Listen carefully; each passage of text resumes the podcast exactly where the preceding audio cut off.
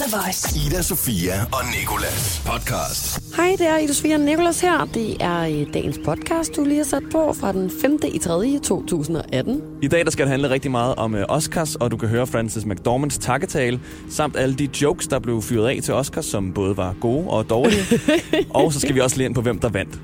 Udover det, så kan du glæde dig til, at Siri, hun i hvert fald ved, hvordan man skal lave den helt perfekte takketale. Og så er der selvfølgelig også One of Those Days. Voice. Ida, Sofia og Nikolas. Vi er ikke længere alene. Vi har nemlig også Daniel Cesar med. Ja, godmorgen. Fordi det er Godmorgen. Oscar-morgen. Det er det, eller meget sen nat for mig. for dig. Jeg kan se, at dine øjne er helt blanke. Ja, jeg har også lige taget en kop kaffe. Nu skal jeg lige... Uh, En ja, kop kaffe. Jeg føler, du skal drikke fem spande kop kaffe, Cesar. Du har været vågen hele natten og siddet og set Oscar. det har jeg fulgt med. Og nu skal du fortælle os, hvad det er, der er sket. Men jeg tænker, vi lige starter med det, som Ja. egentlig folk taler om. Ja. Mm. Fordi der er jo noget, som tager meget opmærksomhed, og det er jo Frances McDormands tale, i det hun går op og modtager prisen for bedste kvindelige hovedrolle. Og en ting er, at hun er en meget energisk kvinde, og hun, øh, hun har meget personlighed. Mm. Hun er jo kendt for, som en type, der møder op på den røde løber uden makeup. Man kan sige, at hun, hun sætter fokus, Frances McDormand, her på kvinderne i salen, må man sige. Og det gør hun på en, øh, en meget øh, teatralsk måde, tror jeg godt, man kan sige. Lad os prøve lidt med her. And now I want to get some perspective.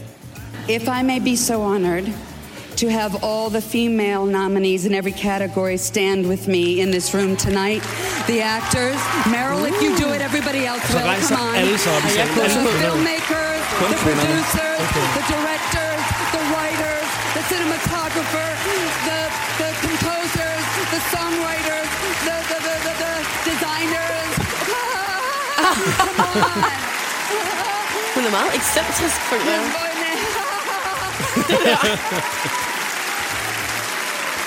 okay, look around, everybody. Look around, ladies and gentlemen, because we all have stories to tell and projects we need finance. Don't talk to us about it at the parties tonight. Con- invite us into your office in a couple days, or you can come to ours, whichever suits you best, and we'll tell you all about them. Og det var lidt den her følelse, der var under hele showet faktisk. Det her med, at det handlede om minoriteter, og det handlede om, at, jamen, øh, at, at ligesom, de mærkesager, der har været i Hollywood det sidste års tid, de skulle alle sammen frem i rampelyset. The Voice hver morgen i radioen med Ida, Sofia og Nikolas. Og du har lovet, at nu skal vi høre lidt om nogle af de jokes, som øh, var sjove, men jeg vil helst høre om dem, der ikke Ja, rigtig det vil jeg fungerer. også. Okay, der er jo altid jokes i de her Oscar-shows, så der er jo nogen, der fungerer ganske fint, og nogen, der ikke fungerer så frygteligt godt. Men øh, de, øh, var meget, øh, de havde meget selvironi øh, over det her med, at det gik galt sidste år. Så det tog Jimmy Kimmel, som er verden på, på showet, altså også lidt pis på. Prøv lidt med her. Det, det synes jeg fungerer ret godt. Der er year, when you hear your name called, don't get up right away. Give us a minute. We don't want another thing. What happened last year was unfortunate. I've not told the story in public because I wanted to save it for tonight, but here's what happened. This is true. Last year, about a week before the show, the producers asked me if I wanted to do uh, some comedy with the accountants, and I said, no, I don't want to do comedy with the accountants. So then the accountants went ahead and did comedy on their own. And I have Det er jo sådan noget, man godt kan lide. Lad os sige det, måde. det er jo meget fedt, at de sådan tager lidt pis på sig selv. Men der var, der var især en joke, som faldt meget, meget til jorden. Ej, øh. Ja. Ej, hvad jeg glæder mig. Det var, øh, der er tre, tre personer, der kom ind på scenen. Vi snakker øh, tre fra Star Wars, blandt andet Mark Hamill, der kommer ind og skal overrække til bedste animerede kortfilm og spillefilm. Og øh, jeg ved ikke helt, hvad der foregår. Prøv, prøv at lytte med her. Det er lidt tyndt, synes jeg. Great to be here and to be together again. Yeah, it's great. I'm also here to uh, pick up my monthly check under the Jedi pension plan. So apparently uh, they never end. That's nice. Okay. BB-8 wants to know why he's the only one not in a tuxedo. Uh, it's delicate. No designer would dress him. Yeah. I think it's robot discrimination. Ej, ej, No, ej. that's the thing. Is it? Okay. This next award is Og det er selvfølgelig en reference til, at, øh, at der er vist noget med, at der er nogen, der ikke har vil klæde folk på. Og der, der er vist noget politisk i det. Det er lidt Øhm, for tidligt. Ja, det er det. Til gengæld så redder Mark Hamilton altså lidt senere, da, da han skal overrække den her pris til bedste, bedste animerede film. Fordi lige inden han læser op for konvolutten, der, øh, der siger han det her. Prøv lige med. And the Oscar goes to. Don't say La La Land. Don't say La La Land. Hvilket er en meget sjov reference til, til sidste gang. Ida, Sofia og Nikolas. På The Voice. Daniel Cesar, du skal fortælle os lidt om Oscars. Jeg tænker, hvis ikke lige man har holdt sig vågen hele natten, så kunne det måske være meget rart lige at få sat noget perspektiv på det, fordi man kan sige, grundlæggende så havde vi jo håbet på, at der var måske en form for dansk Oscar. Mm. Til Øhm, uh, The Square. Til The Square, fordi at det er jo, altså det er en svensk, svensk film, men Claes Bang, dansk skuespiller, spiller jo den alt overskyggende hovedrolle, men det var altså ikke, det var altså ikke dem, der løb afsted med, med den desværre. Og det er jo, det er jo lidt en skam, fordi det var, det var en, en oplagt en, fordi, fordi det var en film, der vandt den gyldne palme i, øh, i Cannes. Men øh, det var altså ikke den, der vandt. Det var i stedet for A Fantastic Woman fra Chile, som Nå, vandt okay. Som, som handler om en uh, trans, uh, transkønnet kvinde, og den er så spillet af en transkønnet kvinde. Så jeg tror også, der, der ligger noget charme i, i, i det på en eller anden måde. Mm. Øhm, og så tror jeg også, det kan også hænge sammen med, det er måske bare min holdning, jeg ved ikke, om jeg har set, har I set The Square? Ja, jeg har. Fordi den har nemlig, den har nemlig noget humor, som er sådan lidt, det er lidt mærkeligt, lidt sort på en eller anden måde. Ikke? Meget dansk humor på en måde. Jamen det er det, og jeg tror, det er sådan noget, hvor hvis, hvis ikke lige man er indforstået med den humor, som er måske Ja. lidt nordisk, så er det sådan noget, hvor humoren kan ryge over hovedet på en, ja. og så sidder man jo bare og undrer sig over, hvad der foregår.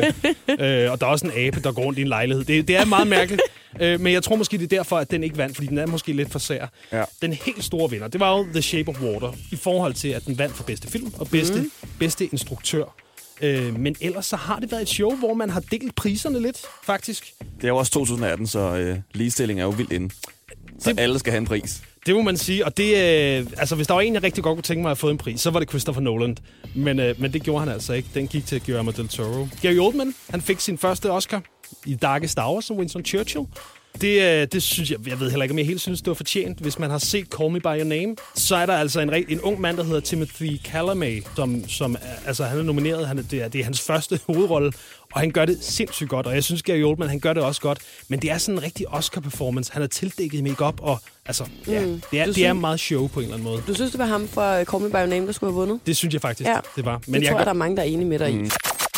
Ida Sofia og Nikolas giver dig Siri og Sandhed. Vi har jo øh, denne her morgen haft besøg af filmeksperten Daniel Cesar. Han har sat os lidt ind i øh, gode og dårlige jokes, hvem der har vundet forskellige priser, og øh, hvad der ligesom har været af helt særlige momenter. Men han har dog ikke givet os opskriften på det Siri, hun skal nu. Nej, og der har jo været en masse Oscar-taler, men Siri hun fortæller nu, hvordan den bedste Oscar-tale den lyder. Hvordan lyder den bedste Oscar-tale?